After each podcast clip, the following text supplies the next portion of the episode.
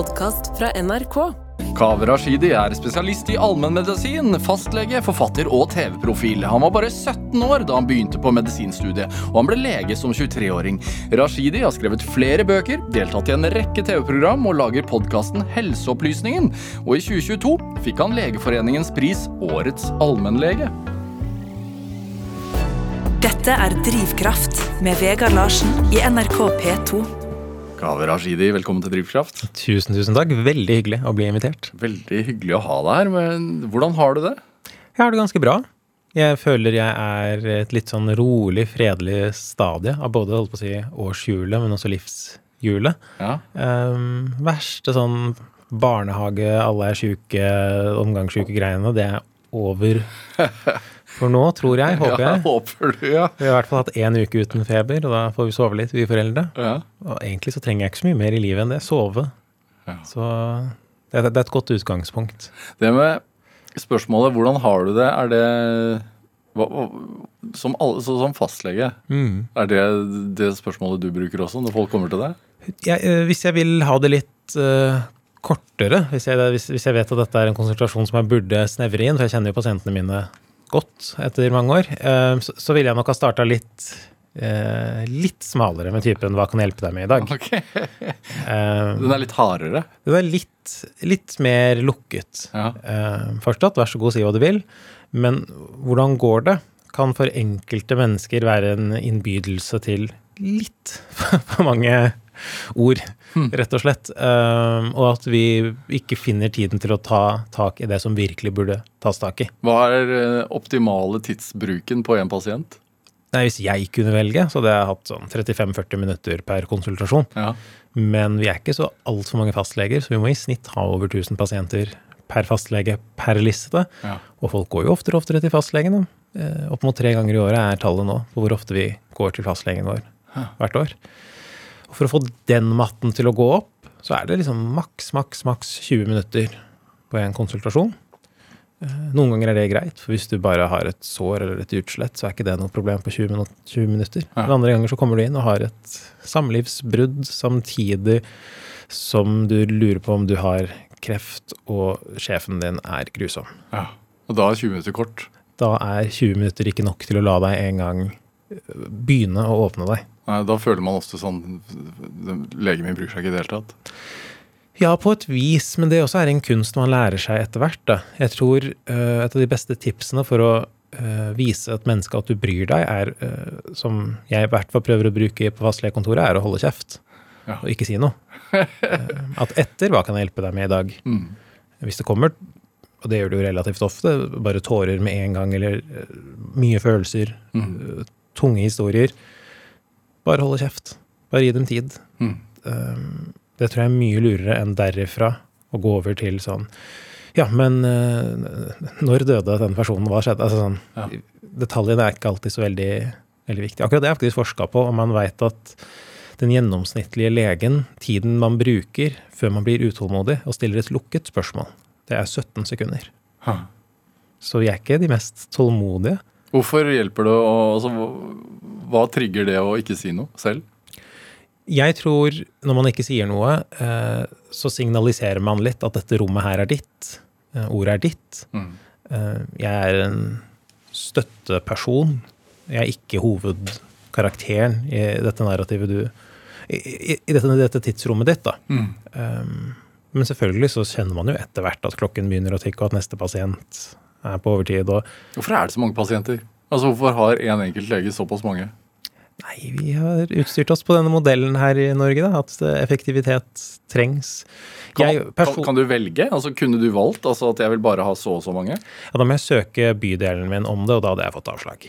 Ha. Fordi det er ikke, det er ikke vettugt. Altså, man får pasientene eh, altså, så å si tredd over hodet. Ja, altså Man kjøper jo gjerne en liste, da. Fordi når en lege pensjonerer seg, så har de sine Og, listelengden har blitt kortere og kortere. altså, så Veldig mange fastleger sier at når mine pasienter dør, så har jeg ikke lyst til at de plassene skal fylles. Det man kaller naturlig nedgang i listestørrelse. Um, men måten man blir fastlege på, er jo at en annen fastlege slutter, og da bare tar du den listen. Så det er veldig sjeldent at man Eller relativt sett sjeldent at man oppretter en helt ny posisjon. Da starter du med null pasienter, og da har du litt større spillerom på å legge det taket på hvor mange pasienter du skal ha. Men Får man betalt per pasient, eller er det mm, ja. per pasient du har på den lista, uansett om de kommer til deg eller ikke, så har du en fast sum. Ja. Eh, Den også går litt opp og ned. Du får mer betalt for kvinner enn menn, f.eks. Mer betalt for litt sånn forskjellige detaljer. Um, Hvorfor det? Nei, det jeg også lurt på. Eh, man får mer betalt eh, for de pasientene som forventes å være mest krevende. Hvordan vet man det på forhånd? Nei, matematiske modeller, da. Ja. Som prøver å fortelle deg noe om hva som er en pasient som er krevende. Og kvinner er mer krevende enn menn? Det, I forhold, i, ifølge den kalkylen? nei, de kommer oftere til fastlegen i spesielle tidsaldre i livet, f.eks. I morsrollen f.eks. så er det veldig ofte mor.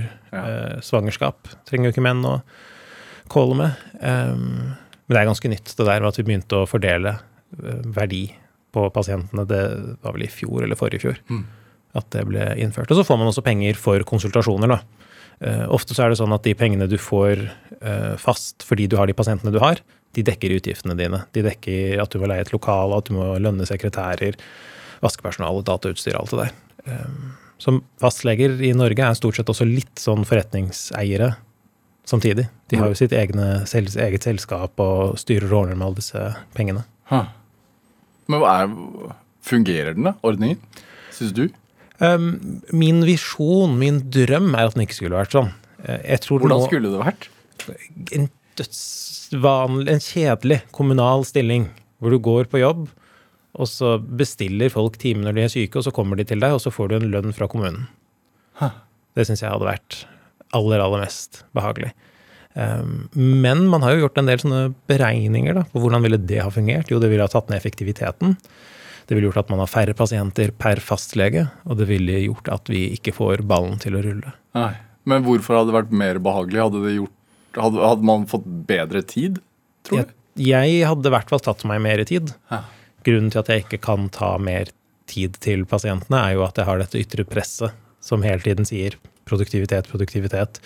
Og så er det også noe som heter en fastlegeforskrift som jeg må følge, som sier at det skal være maks fem, vente, eh, fem eh, virkedagers ventetid på en legetime. Og den sitter jo hele tiden og gnager på sånn Ok, hvordan skal jeg få til det, hvordan skal jeg få til det? Jeg må få gjort mest mulig elektronisk, jeg må få unna mest mulig uten egentlig å se pasientene, bare fordi det å ta folk inn på kontoret, det er jo en legetime som blir borte. Så man ender opp i en sånn slags produktivitetsmølle, eller effektivitetsmølle. Um, og det er milevis unna det man lærer på legestudiet. For på legestudiet så lærer man jo hva er helse, hvordan skaper vi gode liv, hva, hva kan det være når man har vondt i magen? Jaha. Men veldig lang vei derfra, fra den der sånn idealistiske legerollen Hæ. til når du blir satt inn i et system, og det er produksjonskrav. Og det er ikke meninga å klage over fastlegelivet, det er sikkert tusen ganger verre på sykehus. Der er det i hvert fall produksjonskrav. Der skal du jobbe på, og der skal pasienter inn og ut så fort som mulig. Sånn er modellene vi jobber etter. Da. Mindre og mindre medmenneskelighet, føler jeg, og mer og mer økonomi og krav om effektivitet. Ha. Og det går utover da legen, og det går utover pasienten. Ja. Hvem tjener på det? Statsbudsjettet. Dette er Drivkraft med Vegard Larsen i NRK P2. Og i dag er eh, lege og forfatter Kaveh Rashidi her hos meg i Drivkraft på NRK P2. Jeg sier bare forfattere, men det er jo så mye. Ja, jeg har prøvd meg på litt forskjellige ting. Hvordan er egentlig en vanlig dag for deg? Eller en vanlig uke? Du snakket jo om årshjul og sånn i starten Ja. her, men hvordan er, en vanlig, hvordan er et ukeshjul? Et ukeshjul har eh, alltid noen fastlegekontordager. Hvor mange? To? Alt fra én til fire. Ja. Um, litt avhengig av når på året. Det er holdt jeg på å si hvor mange andre ting som finnes, for jeg jobber sammen med en annen lege. Så vi deler da på disse 1400 pasientene, og vi er begge har andre greier i livet som vi da bruker resterende tid på. Eh, De dagene er veldig deilige. De er ganske rutine. Levere unger i barnehage, komme seg på jobb, drikke kaffe med sekretærene. eh, Bare hyggelig. eh, Hente i barnehagen. Og da pleier jeg ikke å ha noe viktig på kveldene, så det er sånn to-tre timers lek og kos med barna. Legge dem. Så er det alltid jobbing på kveldene etter at de har lagt seg. Alltid. Ja, det, er, det har blitt alltid etter hvert. Um, det, mailene har hopa seg opp, ting har skjedd. Um, Og neste dag så er det kanskje noe annet. Da plutselig skal jeg på en ting sånn som dette. Så kanskje jeg må forberede meg litt. Um, Eller så skal jeg holde et foredrag. Foredrag blir det også Liker du det med den kveldsjobbingen? mm, Jeg tror svaret på Det ærlige svaret er nei. Men jeg har Det er selvvalgt, da.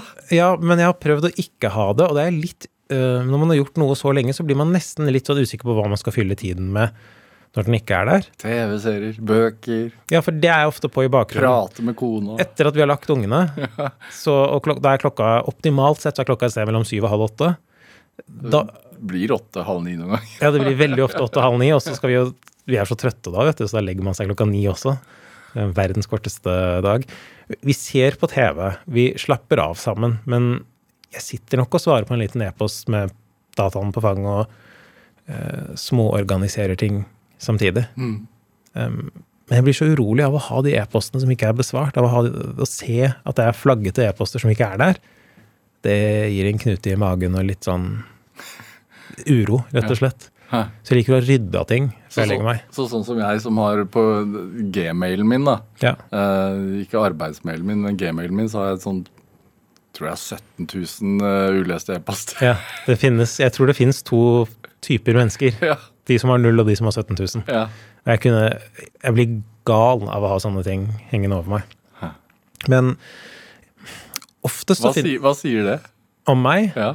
Nei, jeg er rastløs. Jeg, jeg er jo en rastløs type. Jeg liker, og, og så er jeg litt sånn Kanskje litt det man kaller tvangspreget. Jeg er veldig glad i at ting er ryddig og systematisert. Det også er vanskelig når man har to barn, altså de er ett og tre, å ønske at ting skal være ryddig, er det, er et forferdelig utgangspunkt for å få det godt. ja. Så der har jeg måttet lære å gi slipp, sånn som når jeg kom hit nå. Mm. Oppvaskmaskinen er ikke tømt. Det burde den være på morgenen. ja i, I ditt hode. I mitt hode så burde den være tømt. Mm. Og når den ikke er tømt, så betyr det jo også at jeg på, på kjøkkenet hjemme så er det masse tallerkener og gris etter frokost, som jo er grisete. Ja og, matbokser fra i går er ikke vaska opp, og det er, det er så mye greier strødd utover. Og det sitter i meg. Ja, Du, du kjenner det nå, egentlig? ja. jeg, jeg, jeg, jeg klarer ikke helt å fjerne det. Og jeg veit at når jeg er ferdig her, Ja. og jeg bare får kommet hjem før ungene kommer, da skal det ryddes hjem. Og da, da kommer det en liten harmonifølelse inn. Og så er Arbeidsuka podkast. Spiller inn en episode i uka. Eh, Det er eh, skriving. Har en sp- avisspalte som er en gang i uka. Aftenposten og ja. Mm. Spør fastlegen, altså hvor jeg svarer på folks spørsmål. Og så er det foredragsholding noen kvelder. Sånn som i kveld, så drar jeg av gårde til et kulturhus Ja. og prater. ja, og så er du ute med en ny bok nå, Det er jeg også. så den har du jo skrevet uh, på siden. Og så er du jo stadig vekk med i TV-program. Ja. Uh, Der prøver jeg å kutte ned. og noen av de tar jo lang tid. Altså Når du er med på 71 grader nord, eksempel, så er det en måned. Mm. Og så Og i retrospekt så angrer jeg litt på at jeg var med på det. Hvorfor det? Um, jeg har prøvd å forstå, det har egentlig grubla veldig mye på, hvorfor var jeg med på 71 grader nord? Sånn, hvorfor takka jeg ja til det? Um, det er noen ting jeg vet det ikke handler om. Det handler ikke om på en måte penger eller å bli sett, eller noe sånt, for det får jeg mer av på andre måter. Det handler i hvert fall ikke om det sosiale, for jeg er ikke et veldig sosialt menneske. så den der, eh, altså De andre ni jeg var på tur med, er fortsatt veldig nære venner. Men jeg har ikke klart å opprettholde det vennskapet, for jeg er ikke så veldig sosial type av natur. Jeg syns det er veldig hyggelig at de møtes og har julelunsj og men det sosiale var ikke det store. Det handlet jo for meg om naturopplevelser. Og få en mulighet til å se Norge på en sånn måte som jeg kunne se Norge før jeg fikk barn. For nå når vi går tur, så er det korte skiturer. Ja. Og det handler stort sett om å holde humøret til barna oppe. Og kanskje vi er så heldige at en av de sovner mens vi er på tur. Sånn sittende i bæremeisen eller i pulken eller noe. Og da, da får vi, altså sånn, Tur er ikke det det en gang var. Så 71 handlet for meg om å liksom se Norge, se Norges natur. Så følte jeg ikke at jeg liksom Jeg, jeg følte ikke at jeg fikk det, det, det, det var, Tro det eller ei, det var mye TV. Det var mye, det var mye kameraer og regi. altså sånn Mm. Den derre ekte sånn Lars Monsen-esk-turen da, som jeg fortsatt drømmer om å ha en gang i livet. Hvor man bare er langt ute i naturen. Urørt natur. Mm.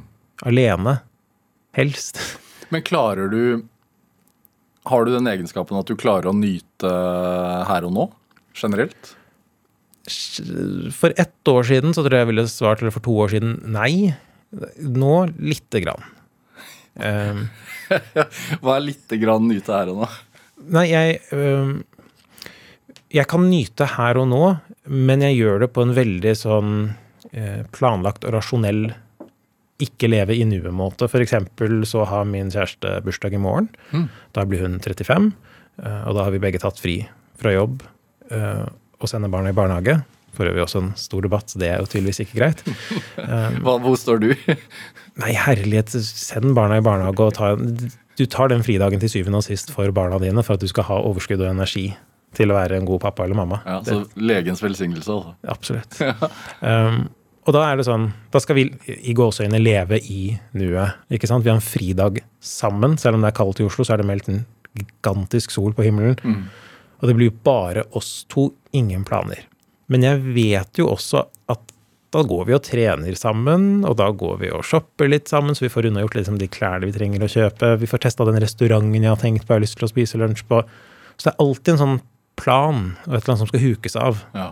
Den derre virkelig være i nuet-øyeblikket, den Den må trenes opp, da, hos en som meg. Men du kan jeg høre på noe? Du, må du, må, du gleder deg, da? sant? Ja, ja, ja.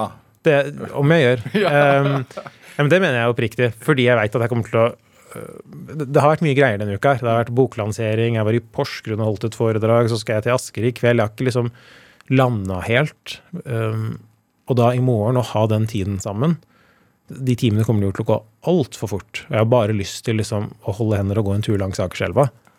Og bare prate sånn som man kan gjøre når barna ikke er til stede, om sånn alt mulig slags ting. Det med å uh, lære å gi slipp da, i forhold til at uh, det er greit å ikke tømme oppvaskmaskinen hver gang. Um, selv om man egentlig vil det. Men det er sikkert noe du kunne sagt til en pasient. Nå må, du, nå må du gi slipp med å lære å gi slipp. Det er sunt for deg. Hvorfor er det så vanskelig? Nei, for meg så tror jeg det handler om at jeg har um, for det første litt stort kontrollbehov. Jeg liker veldig godt å føle at ting er på plass. Um, og den tror jeg kommer av sånn oppvekstårsaker. Um, pappa var jo en militærmann, offiser i militæret i Iran i sin tid. Ikke det snilleste militæret, holdt jeg på å si. Altså sånn veldig var, Det var strengt, og det var rammer hele tiden gjennom oppveksten. Og det var veldig mye sånn at man ble målt etter eh, Eller jeg ble målt etter prestasjoner. På hvilken måte? Helt konkret så kunne det f.eks. være at på ungdomsskolen så fikk jeg 500 kroner for hver sekser. Ja. Så um, fagene handlet jo ikke om at sånn Kaveh, hva liker du? Er du mest glad i naturfag og realistfagene, eller er du mest glad i liksom humaniora og sånn? Nei, nei, det var bare om å få en sekser i alt. ja. Hvis du ikke fikk det, da? Altså det å få premiering for en Ja, det er det som er problemet, da. fordi når man ikke får det, så er ikke det Det er ikke kjeft, det er ikke kritikk. Men det er jo det det på en måte egentlig er når du ikke får premien. ja. Da har du jo tapt. Um, og det samme gjaldt i alle slags arenaer. Um, pianokonserter som jeg Altså, jeg spilte dem jo med glede der og da, men jeg ble jo også tvunget til å lære meg å spille piano. Um, og det handler jo veldig mye om at det finnes noen sånne ytre ideer om hva som er rett og galt. Mm. At sånn foreldrene trer over barnet en, et bilde av hva som er riktig, hva som er best. Um, at, at jeg på en måte blir ytrestyrt. Mm. Uh, Det jeg streber etter, klarer jeg ikke helt å kjenne fra innsiden hva er for noe. Jeg klarer å kjenne det veldig godt fra, eller se det på utsiden. Og da blir man ung, utdannet lege, fordi det er en veldig lett målbar ting, ikke sant? Mm. Da blir man spesialist og kjøper seg hus og får til sånne ting som er øh, check. Da har jeg gjort det. Mm.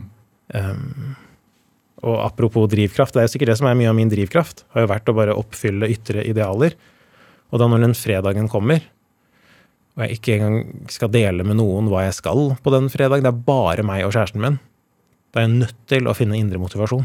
Da må være sånn, men hva er det jeg egentlig har lyst til å bruke denne tiden til? Mm. Og det er vanskeligere. Fordi at man ikke har vært vant til å kjenne på den?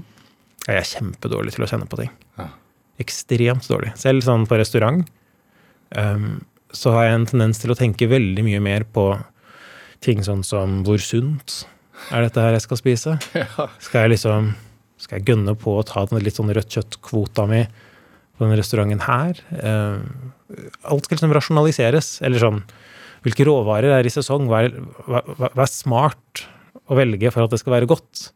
Eh, hva slags ting er denne restauranten her kjent for? Um, veldig, veldig, veldig veldig ofte så ender jeg jo opp med å spørre servitøren hva anbefaler dere? Sånn, fordi mitt indre er så liksom slukket. slukket. Det derre Jeg tror andre mennesker da har et kompass inni seg som peker veldig tydeligere i en retning som kommer fra et sted i hjertet eller sjelen, eller hva man skal kalle det. Um, og det veit jeg jo med kjæresten min. Ja. Sånn typ, Det var ikke så lenge siden vi var på en mathall i Oslo. Og der er det ja, sikkert 20 forskjellige små restauranter som alle selger ekstremt god mat. Og jeg står der og jeg blir litt sånn overveldet, fordi hvor skal jeg velge mat fra? Og hun bare raser bort til en sånn pastabod. Jeg vil ha pasta. Og måtte jeg bare spørre henne hvordan, hvordan visste du det? hvordan, visste du at i dag var det pasta? Ja. Og da var hun sånn Jeg hadde jo lyst på det. Hm. Sånn, Hvordan kan, du ha, hvordan kan du vite at det er akkurat det du har lyst på i dag? Fordi jeg kan tenke sånn Ok, det er et sted som har sushi, og jeg har lyst på det, men jeg skal jo et sted i morgen som har sushi. Da er det kanskje ikke lurt å spise sushi i dag også. Da setter jeg ikke like mye pris på den sushien i morgen. Så tar jeg ikke sushi. Men ja, det er hyggelig å spise det samme som kjæresten, så kanskje pasta. Og så begynner jeg å rasjonalisere og bruke hodet mitt. Overtenker. Ja, og bruker egentlig et du kaller det feil system for å prøve å finne ut av livet. Jeg bruker det der tenkesystemet mitt. Ja. Den er ganske godt utviklet. Men du har jo to små barn, kan du ikke lære litt av de, da? Jo, de er kjempe... Der er det ingen rasjonalitet. Nei, øh, og de er veldig, veldig veldig emosjonelt drevne. Og jeg syns egentlig det har vært noe av det som har hjulpet meg mest Ja. med å uh, få kobla hjertet mitt mer på de siste årene, er å ha en relasjon til de. Uh, og prøve å forstå hvorfor blir du så innmari lei deg for ting som absolutt objektivt sett ikke er verdt å bli lei seg for. Så det er sånn, «Å, dette handler egentlig om forventningene dine. Det handler om en del sånne verdier som ikke er så harde da, som de jeg er vant med eh, gjennom oppvekst. Så mitt sånn både rasjonelle og emosjonelle mål er jo å klare å styre meg selv mer etter indre drivkraft. Men man kan ikke, kan ikke, det er ikke hele poenget da at man ikke kan tenke seg dit. Man må heller la hodet hvile. Jo, øhm, men hvordan er det jeg løser oppgaver her i livet? Jo, det er med hodet. Ja. Så når noen gir meg en oppgave som jeg ikke bruker hodet, så blir jeg jo sånn Ok, da skal jeg fra klokken to til fire hver dag sette meg ned og ikke bruke hodet aktivt. På den måten så skal jeg også få en sekser i det å hvile. Ja. Um, Får håpe ikke det kommer noen pasienter i den tiden. da. Sånn. ja, men, men det, det der er vanskelig. Men jeg, men jeg prøver å rigge til et system som tillater det, i hvert fall. Jeg prøver å Noe så enkelt som ikke har for mye Ikke har internett, wifi eller TV på hytta. Ja. Og så, og så løser du det kanskje på eh, Kaveh Rashidi-måten. da. Du skriver en bok som heter 'Senk skuldrene'. Ja. Sånn, Nå må jeg lære å senke skuldrene. Da, Da får jeg få- få noe nytte av det. ja. Jeg har tenkt på det også. Det var noen som spurte meg om jeg noen gang kunne tenke meg å gå, bli med i sånn Leger uten grenser og dra på en sånn ordentlig, ordentlig legereise og hjelpe mennesker som virkelig trenger legehjelp. Mm. Og det også hadde vært sånn, Selvfølgelig hadde jeg hatt lyst til det, men hadde jeg gjort det hvis jeg ikke kunne ha fortalt noen om at jeg hadde gjort det? Mm. Um, og det- er der det skurrer med meg, ikke sant? Fordi den følelsen av å ville fortelle andre folk om det er så sterk. Det er den ytre drivkraften. Mm. Um, men den funker utrolig dårlig for å få en slags tilfredsfølelse eller lykkefølelse. Fordi hver eneste gang jeg når et eller annet mål, så er det bare sånn total tomhet. Hm. Den derre skikkelige gleden av å få til noe, tror jeg du må ha indre driv for å få det til. Hvilken Hvis du hadde kommet til deg selv som lege Mm. og fortalt deg disse tingene, Mm. hva hadde du sagt da? Nei, si det. Um, jeg hadde prøvd å ikke si så mye, fordi jeg, jeg hadde tenkt at her er det interessante tanker og ideer, og du skal få lov til å få et rom uh, og utforske de. Um, så tror jeg jeg hadde prøvd å forstå ting heller enn å endre de. Um, jeg tror ikke man kan endre seg selv sånn over natta og si sånn ja, men nå skal jeg begynne å slappe av og ta livet som det er, og leve i nuet. Mm. Um, men hvis man klarer å forstå litt hvorfor man er sånn som man er, og hva som har gjort at man er blitt sånn, og, um, så tror jeg Da bruker jeg hodet mitt og liksom sniker inn litt følelser. Um, og så er jo ikke poenget mitt heller at jeg skal ende opp, eller denne hypotetiske pasienten skal ende opp med å skru av hodet. Mm. Det er bare at begge de to tingene må nesten klare å leve eh, sammen. Mm. Det, det må gå an å ha uh, en sammenblanding av hode og hjerte. Og dette har jo folk snakka om. Sånn, Freud snakka jo om at vi mennesker har på den ene siden plikten og den andre siden lysten. Um, og hvis vi bare følger lysten, ja, da bare går vi rundt og ligger med alle og tar kokain. Mens hvis vi bare følger plikten, da blir vi ulykkelige regelryttere. Mm. Um, og jeg er jo sikkert sistnevnte, men Ulykkelig? ja, det, er, det er sjelden jeg føler meg lykkelig. Sånn um, Hvis du kan se for deg en fyr som akkurat et eller annet har skjedd, så han hopper av glede med armene over hodet og bare roper 'yes'. Mm. Det er ikke meg. Jeg kan ikke se for meg noe, hva skulle ha skjedd for at det skulle ha skjedd, liksom. Det fins ikke noen sånn på en måte fotballag som kan vinne, eller noe Du, ikke, har, du har ikke noe fotballag som du, som du roper til skjermen til? Nei, da jeg var yngre, så hadde jeg det. Um, inntil for sånn ti år siden så hadde jeg, fikk jeg sterke emosjonelle reaksjoner av sport, f.eks. Mm. Men så har jeg slukka de greiene mer og mer. Um, og da har sport blitt mer sånn For eksempel, da, jeg har alltid vært interessert i basket, eh, NBA i USA. Før så jeg jo på kamper Hvilket lag? hvor enn LeBron James går. så fra Miami til Cleveland eh, og nå Lakers. Ja. Men jeg ser jo ikke på en Lakers-kamp. Jeg ser på resultatene. Som på kamp. Jeg bare går inn og ser på resultat og statistikk. Ja. Sånn Yes, det var en bra kamp i kveld. Men å se på selve kampen, det får jeg liksom ikke til lenger. Um, selv om jeg har vært i USA og gått på kamper og syns det er det gøyeste i verden å være en del av det. Så, og det er et veldig godt eksempel på en ting som er indrestyrt, da. Fordi da det er ingenting rasjonelt i det. Det er bare følelser og glede. Mm. Men jeg er lenger og lenger unna. Hm. I hvert fall nå som Magnus Carlsen har slutta å spille sjakk-VM også. Da jeg mista den ja. gleden. Det er jo også en sånn ting, Da kunne jeg legge fra meg alt. Var det bare å slå på NRK og høre på Torstein Bae kommentere et sjakktrekk hvert 25. minutt. Men, men jeg har sett på øh, din Instagram. Mm. øh, der har du lagt ut noen videosnutter av at du spiller piano. Mm. Da ser det ut som du er i, i nuet veldig, da. Ja, Um, det er jeg. Det, piano er en sånn ting hvor jeg har tenkt Piano er en ting hvor jeg tenker at det er indredrevet. Um, og så har jeg også ofte lurt på sånn, hvorfor gjør jeg ikke mer av det? Hvorfor bruker jeg ikke mer tid på det? Men igjen så kommer det der sånn Har jeg tid til dette? Burde jeg ikke tømme den oppvaskmaskinen i stedet for? Uh, og da nedprioriterer jeg det hele tiden. Ja. Er det ikke, er det ikke, noe, er det ikke da menn begynner å jogge veldig mye? Når de begynner å tenke på de tingene du tenker på? Jo, det kan jeg også finne på, men da er det jo også for å oppfylle de 150 minuttene i uka som Helsedirektoratet sier at jeg burde ha. Det blir enda en pliktsgreie. Ja. Um, akkurat løping har jeg også tenkt på at sånn, jeg har lyst jeg, løper, jeg, jeg trener nok, liksom, men jeg har lyst til at det skal komme fra sånn fordi jeg har lyst til å løpe, ikke fordi jeg vet jeg burde løpe. Hos meg er det ofte sistnevnte. Og du du som har sånn formaningsyrke. Sånn, du burde spise mindre av det, og du burde gjøre mer av det. Ja. Det er rart, for jeg er, med, jeg er egentlig med på å skape det problemet, for leger er jo ofte veldig tydelige på at det fins rett og galt. Ja. Sånn som i boka di, så er det sånn Følg disse ti rådene fra FHI, så går det bra.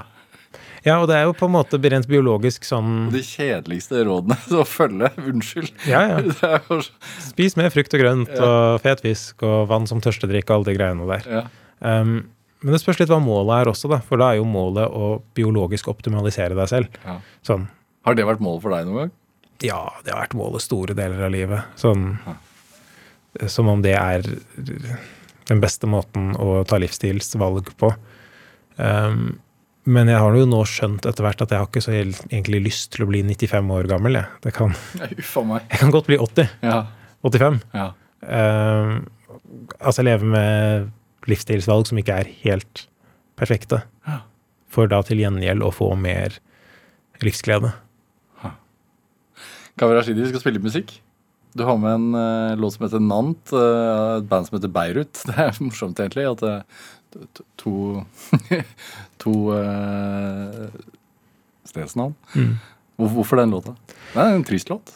Er det en trist låt? Jeg bare husker den så emosjonelt sterkt fra en periode hvor musikk betydde så mye. Da jeg var liksom i ja, siste halvdel av tenårene, holdt jeg på å si. Og så husker jeg at jeg sendte et brev til, til vokalisten der.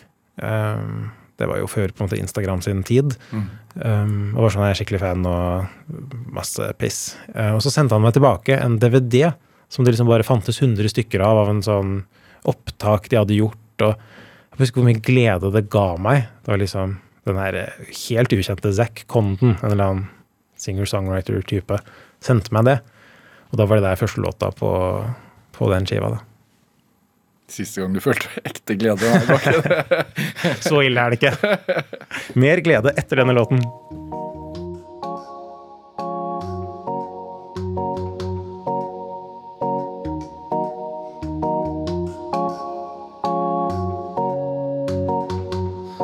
It's been a long time, long time now since I've seen you smile. sky.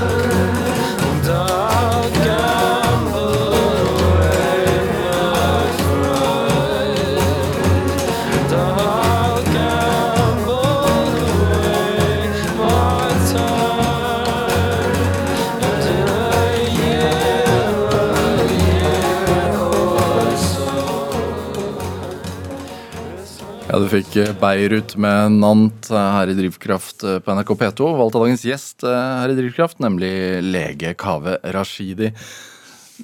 Du nevnte faren din, at han uh, var offiser i militæret i Iran. Mm. Um, moren din er også fra Iran. Ja. Hvorfor kom de til Norge? Du, de ble ganske regelrett bomba ut av hjemmene sine, altså. Um, Iran-Irak-krigen som pågikk mellom 80 og 88, mm. førte jo til at Nå husker jeg ikke det tallet, men det er helt absurd antall mennesker som døde. Jeg skal ikke gjette, men tallet er sånn at man blir helt sjokkert over hvor mange mennesker som ble drept i den krigen. Um, store deler av deres familie ble også drept, enten av bomber fra utlandet eller fra sånn intern etterretningstjeneste. og Det var bare en grusom krig. Mm. Uh, så de hadde jo to små jenter, da. Uh, og måtte komme seg ut. Så de bare ga vekk alt de hadde til en lastebilsjåfør som kunne smugle dem over grensen. Så da var det å gjemme seg under lasteplanet til den lastebilen, kom seg over grensa til Tyrkia. Og der ble de bare sluppet løs med disse barna i gata. Eh, pappa hadde en koffert. Det var alt, sånn bokstavelig talt, alt han hadde. Der var det radio, avis, eh, litt dollars, som man kom veldig langt med på den tiden, og noen bleier til jentene. Det var liksom Det det var. Når var dette? 87 eller noe sånt? 84. 84. Og da fikk de eh, asyl. Ja. Um, og fikk, tror jeg, rett og slett velge vil dere nå til Norge eller til Canada. Ja. Så bare sånn Nei, Norge er vel nærmest, da. og så på ganske sånn kort tid derfra så var det eh, til Norge, og så sendt opp til Trysil. Mm. Hvor de fikk nok norskkurs, og eh, utdanningene sine fikk de på en måte overført. Og etter hvert deg. Og etter hvert meg. De bodde i Trysil da jeg ble født i Elverum. Ja. Hvor mye attpåklatt er du? Jeg tror jeg er veldig attpåklatt, for søstrene mine er mye eldre, og begge to studerte i utlandet. De studerte i England. Så da jeg var 10-11 ish, så hadde jo de flytta ut. Um, så da tror jeg jeg fikk altfor mye oppmerksomhet. Eller altfor mye fokus på den siste. Ja. Fokus som om du må gjøre det, de riktige valgene? Ja, både det og at um, Og at liksom uh, Nå har du fått muligheten til å bli født inn i noe veldig annet enn det vi fikk. Mm. Um, så må vi bare passe på at dette ikke skjer igjen. Um, at ikke dere må oppleve det vi opplevde. tror jeg var veldig mye av mine foreldres eh, tanker og motivasjon. For Iran var jo det, det, det, det tenker man jo ikke over, men før den revolusjonen så var Iran et flott, vestlig, normalt, Mm. oppegående land. Sånn, når jeg ser på bilder av foreldrene mine fra 70-tallet i Iran, så gikk de jo kledd sånn som man gjorde i, i Hollywood, liksom. Det var ordentlig fint og voksent og normalt og ikke undertrykkende. altså sånn, Det var et vanlig land. Um, Med en ekstremt rik kulturhistorie. Og, ja, sånn, Det som betydde noe for dem, var jo altså, Det var typ verdensledende, fint land. Um, og så har de sett at å ja, over natta så kan alt snu. Og de har jo bare mista hele det hjemlandet sitt. Um, og så tror jeg de har blitt veldig sånn trygghetssøkende av det, da, så når de kommer til Norge og liksom skal oppdra meg på et vis. Så blir det jo veldig veldig viktig for dem at jeg får en kjempetrygg og god utdanning. At jeg får til alt som kan gi meg trygghet. For hvem vet hva fremtiden bringer, liksom. Mm. Så et litt annet perspektiv enn ja, typisk folk som er født si på 80-90-tallet i Norge her. For vi vet jo ikke om at noe ille kan skje. For den saks skyld født på 60-, 70-, 80-tallet også. Det er jo det har vært fredstilstander veldig, veldig lenge rundt oss. var det Hvor tidlig kjente du på en sånn plikt? Nei, det er så tidlig jeg kan huske, altså. Jeg kan huske at jeg var Vi bodde i en leilighet, da var jeg kanskje sånn fem-seks år gammel og lekte hos naboen i samme blokk. Og da husker jeg at det var sånn Middag er klokka fem. Hjemme klokka fem. Da var det ikke noe sånn hjemme kvart over fem, ti over fem. Nei. Og at jeg liksom stressa med det å rekke det. Og at det var viktig å rekke det. Sammen med sånn ja, øving da, til, av instrumenter. Sånn, det, man skulle øve 30 minutter hver dag. Det var like naturlig som å pusse tenna. på en måte. Mm. Så veldig mye sånn plikt og premiering av lydighet. Hm. I hvert fall sånn jeg husker det. Sånn jeg opplevde det. Så kan det være en slags uh, diskrepans mellom min opplevelse og hvordan det virkelig var. Mm. Men jeg tror jeg hadde en strengere enn gjennomsnittet oppvekst på det der, altså. Det med øh, hvor, hvor, er øh, opp, altså hvor er hjemme for deg? Altså Hvilket område? Er, er det i Oslo, eller er det Ja, Oslo. Ja. Men vi flytta veldig mye rundt i Oslo også. Ja. Eh, først på Grünerløkka, før Grünerløkka i Oslo var et populært sted, da, på den tida hvor liksom man ikke hadde innlagt vann i leiligheten, nesten. Mm. Felles sto i gangen, sånne ting. Og så, så gikk jeg aldri i barnehage. så jeg, den integreringsdelen For på den tida så kosta det jo veldig mye å gå i barnehage. Mm. Det var ikke sånn at det var et lurt økonomisk valg for foreldre som ikke hadde så god økonomi. Men Var du hjemme hos- sammen med moren din eller faren? Pappa, faktisk. Ja. For mamma var sykepleier og tjente mer på å jobbe 24-7. Um, og så flytta vi til indre Oslo øst, bort på Ulven. Der var det masse kriminalitet og skikkelig røft uh, ungdomsmiljø. Så da, da jeg var sånn 11-12, så flytta vi til Oslo vest. Mm. Og plutselig var det eh, skikkelig vestkant. Jeg var den eneste mørkhuda gutten i klassen. Um, ja, så der også var det ikke så mye sånn tilhørighet noe sted. For jeg bytta jo bare hele tiden. Miljø, arena, hobbyer, idretter, alt mulig. Hva slags uh, samfunnslag uh, kom moren og faren din fra? Um, øvre middelklasse i Iran, vil Ja. jeg si. Ja, det, uh, Men det tror jeg de fleste flyktninger på 80-tallet var. ja. Fordi det var ikke en Folk flykta ikke pga. Uh, nød eller mangel, men pga. mer politiske årsaker. hadde øh, statsviteren Sylo Taraku her for litt siden, som Mm. snakket, om det han, eller snakket om noe han kalte innvandringsdrivet. Eh, om at når man kommer til et nytt sted, så har man en forventning om at man skal jobbe seg tilbake til samme samfunnsposisjon som man hadde i hjemlandet. Ja, riktig. Det kan jeg se for meg at foreldrene mine kjente veldig på. Ja. Men jeg tror de på en måte oppnådde det også på mange vis.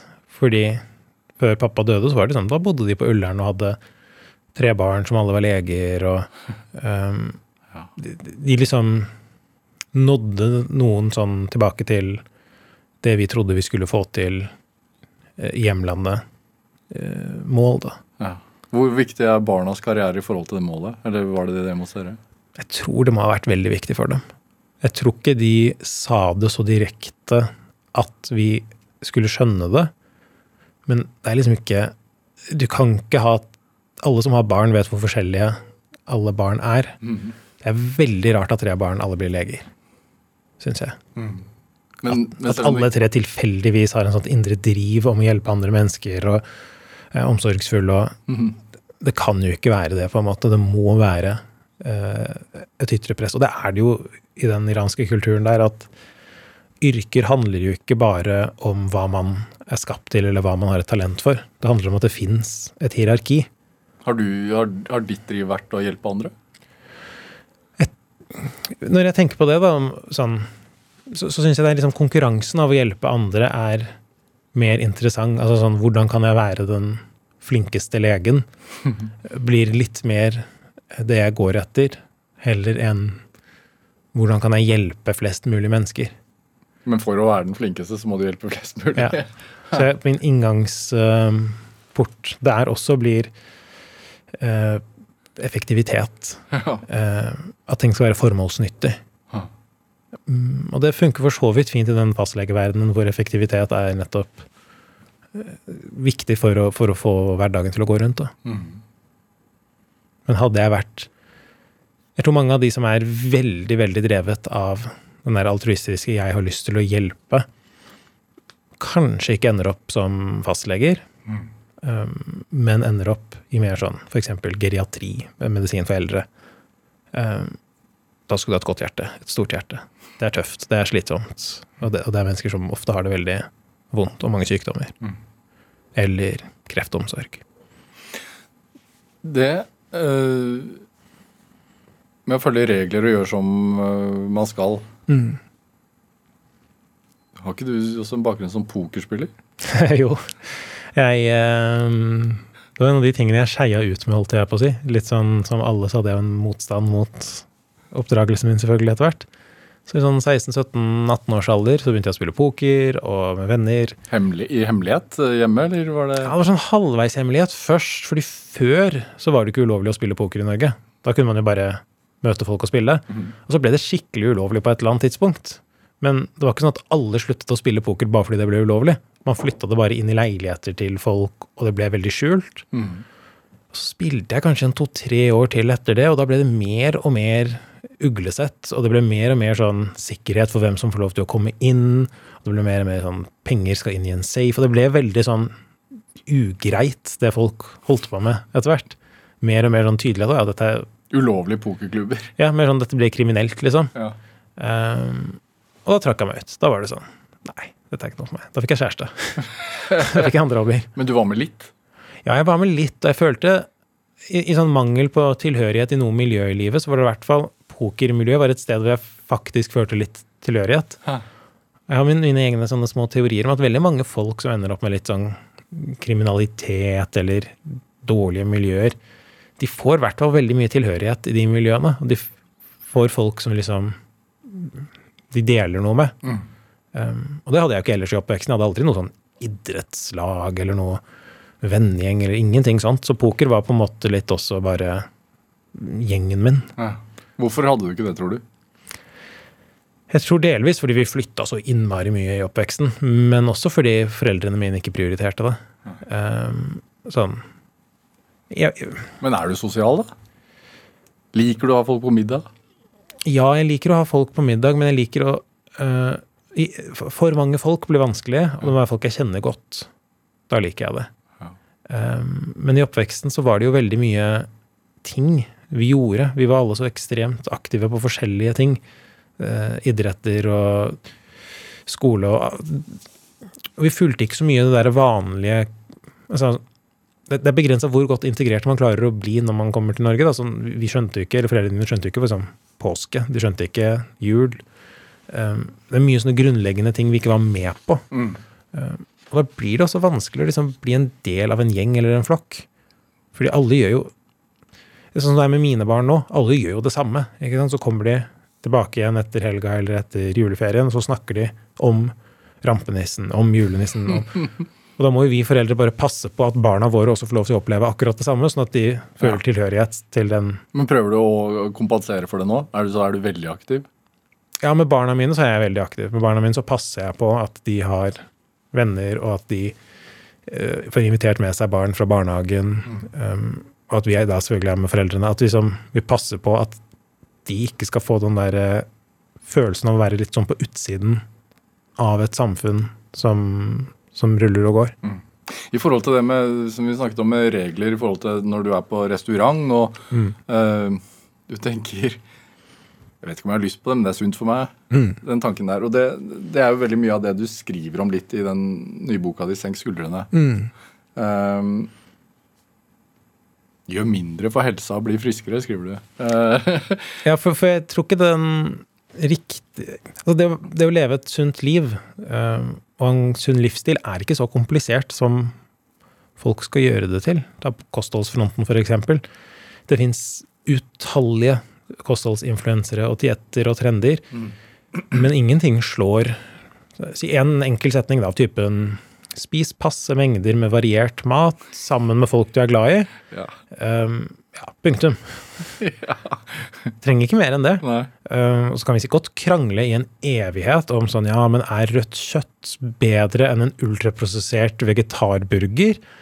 Vi trenger ikke å snakke om det, bare, sånn, bare, spis litt variert. Alt med, alt med måte. Ja, s- noen sånne enkle leveregler holder i massevis, og så prøv heller å ha glede av maten. Ja.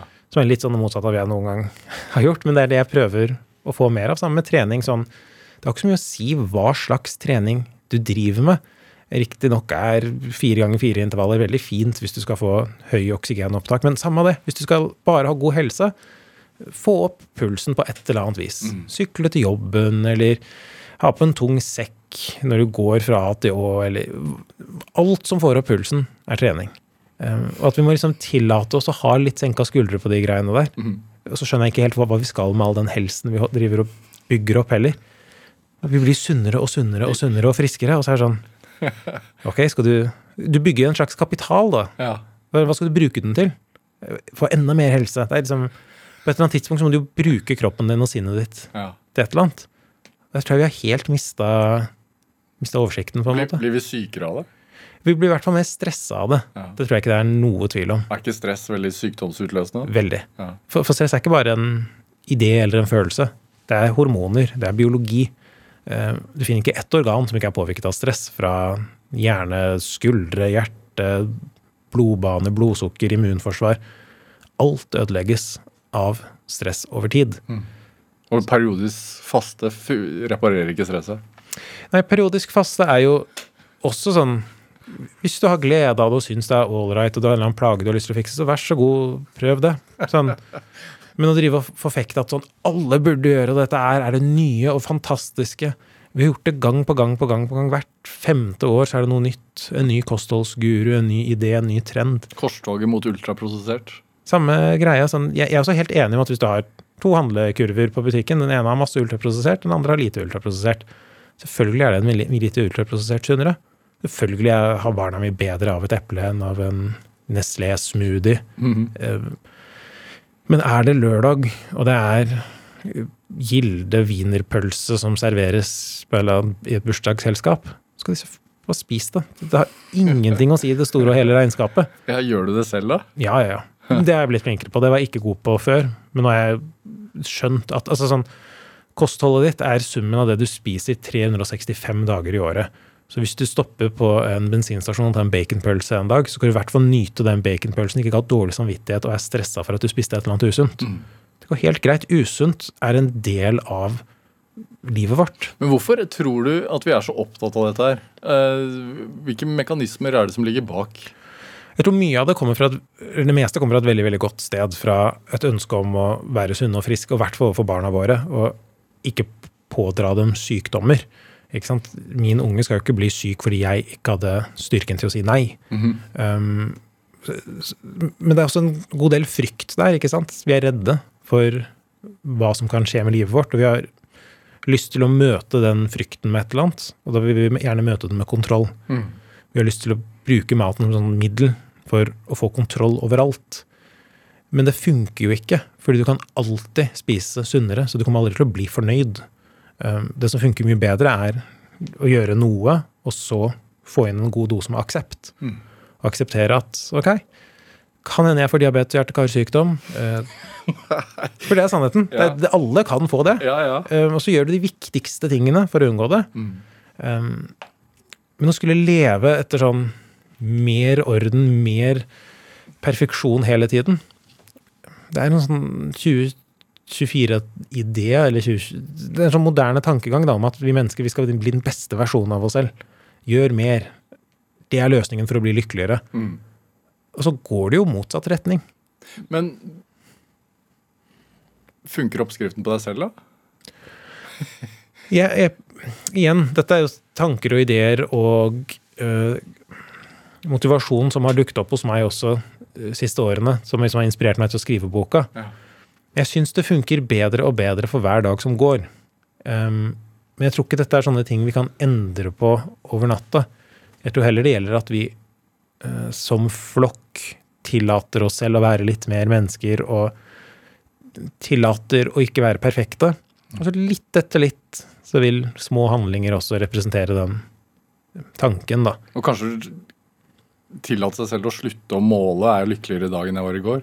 Definitivt. Og slutte å måle resultater i det hele tatt. Altså sånn, Nyttårsforsettene nå er jo typisk gå ned ti kilo i vekt. Men hvorfor er det så viktig å gå ned ti kilo i vekt? Bare spis litt sunnere og tren litt mer. Samme av det om du går ned i vekt eller ikke. Du har gjort noe positivt. Du trenger ikke å måle deg selv hele tiden. Det, det, det har ingen nytte. Og, Hva er dine mål for 2024, da? Den eneste sånn skikkelig nyttårsforsett-klisjeen jeg har, som jeg ikke har gjort noe for å få til ennå, og som jeg har dårlig samvittighet for hver dag, er eh, mindre tid på mobilen. Den syns jeg er ille, spesielt når barna er hjemme. Så bare tanken av det gir meg stress og dårlig samvittighet. Jeg leste et intervju med deg for noen år, som ble gjort for noen år siden. Da sa du akkurat det samme. Yep. Det er sånn nyttårsforsett funker, ikke sant? Det er det samme hver eneste. Hvor mye er du på mobil? Nei, ifølge den der eh, mandagsrapporten så er det rundt tre-fire timer hver dag. Ja, hva ser du etter der, da? Jeg gjør som alle andre. Jeg scroller opp og ned Instagram og leser eh, samme nettavis 38 ganger hver dag. Som er helt, totalt meningsløst. Sånn, hvis noe viktig skjer i verden, så får jeg det med meg av å bare se på Dagsrevyen. 19.00 til 19.30, og hvis kjæresten tar legginga den kvelden, så kan jeg til og med få med meg Dagsnytt 18 mens jeg jobber. og da er alt løst, men jeg klarer ikke å frarive meg big tech-algoritmene og den følelsen at jeg hele tiden må hvordan er været i morgen? Hvor mange ganger jeg sjekker Yr hver dag? ass? Det er helt Den mobilgreia. Kanskje det er det som er svaret? For å få kjenne på den ekte lykkefølelsen her og nå? Det å fjerne, fjerne sånne distraksjoner. Fjerne Ja, men jeg skriver også om det i boka. da, om liksom, Det er et eget kapittel om stress og hvordan man kan redusere det. Alt fra å sove mer til type meditasjon. Men å fjerne mobilen er høyt på lista. Men eh, igjen. Nå føler jeg at jeg gir et veldig sånn parodert bilde av uh, hvem jeg er. Jeg er egentlig mer avbalansert. Uh, og dette med mobilfrihet har vi også på en måte løst i den forstand at vi gjør noe så enkelt som at vi har ikke mobilen ved spisebordet.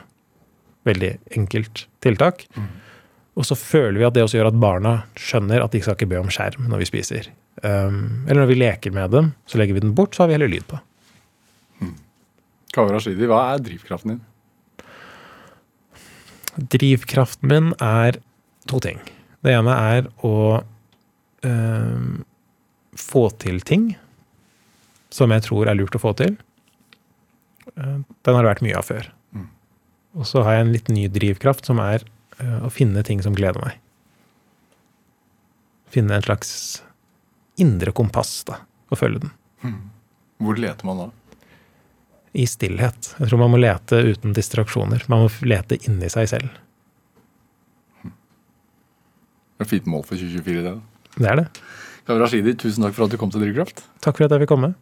Hør flere samtaler i Drivkraft på nrk.no eller i appen NRK Radio. Der kan du også trykke 'følg', så får du de siste Drivkraftsamtalene rett inn i appen din. Send oss ris eller ros, og også tips til mennesker som du mener har drivkraft. Send en e-posten til drivkraft.krøllalfa.nrk.no. Vi hører veldig gjerne fra deg. Produsent i dag det var Ida Kjøsselsen, mens Ådne Feiring gjorde research til denne sendingen. Jeg heter Vega Larsen. Vi høres. Du har hørt en podkast fra NRK.